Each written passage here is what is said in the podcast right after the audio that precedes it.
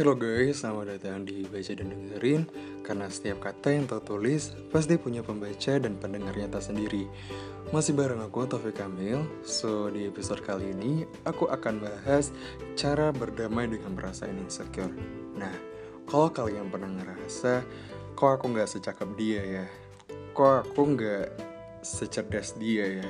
Atau mungkin kalian pernah ngerasa Kok dia bisa berbakat ya sedangkan aku enggak Oke, okay, kalau kalian pernah merasa hal-hal seperti itu, well, kita sama guys. Jadi, setiap orang itu pernah merasa insecure. Kita semua yang udah mulai mengenal diri kita sendiri, batasan diri kita, kemampuan kita, terkadang kita suka membandingkan diri kita dengan orang lain dan membuat kita menjadi rendah diri, bahkan tidak percaya diri. Lalu, bagaimana kita menyikapinya? Yang pertama, Belajarlah untuk mencintai dirimu sendiri. Yakinlah kalau misalnya kamu berbeda. Kamu harus menyadari bahwa dirimu berbeda dari yang lain. Keluargamu, lingkunganmu, caramu bertumbuh, pendidikanmu, kelebihan dan kekuranganmu. Kamu berbeda dari yang lain.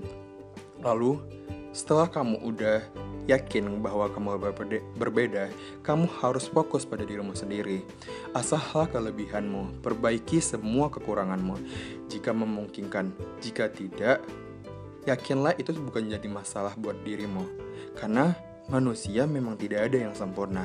Berproseslah, jadi pribadi yang lebih baik setiap harinya. Bertumbuhlah dengan cara yang baik. Yang kedua, perbaiki lingkaran pertemananmu bertemanlah dengan seseorang yang membantu usahamu untuk berubah. Dirinya yang memberikanmu saran, bukan hinaan. Dirinya yang membuatmu percaya diri, bukan merendahkan, bahkan meremehkan dirimu. Dirinya yang membantumu, bukan malah yang menjatuhkanmu. Jangan pernah berteman dengan seseorang yang menghambat prosesmu bertumbuh dan menjadi lebih baik. Oke, yang ketiga, berdamailah dengan dirimu sendiri. Kamu punya kesalahan. Setiap orang punya kesalahan. Jangan terus-menerus mengungkit masa lalumu dan membuat dirimu sendiri merasa bersalah.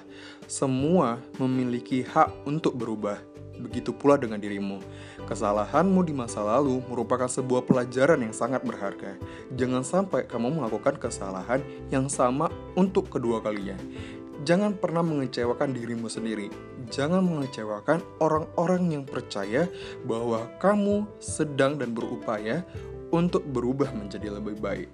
Oke guys, terima kasih buat yang udah dengerin. So, tetap semangat, tetap bahagia, tetap baca dan dengerin. Sampai jumpa di episode selanjutnya. Semangat menginspirasi. Bye.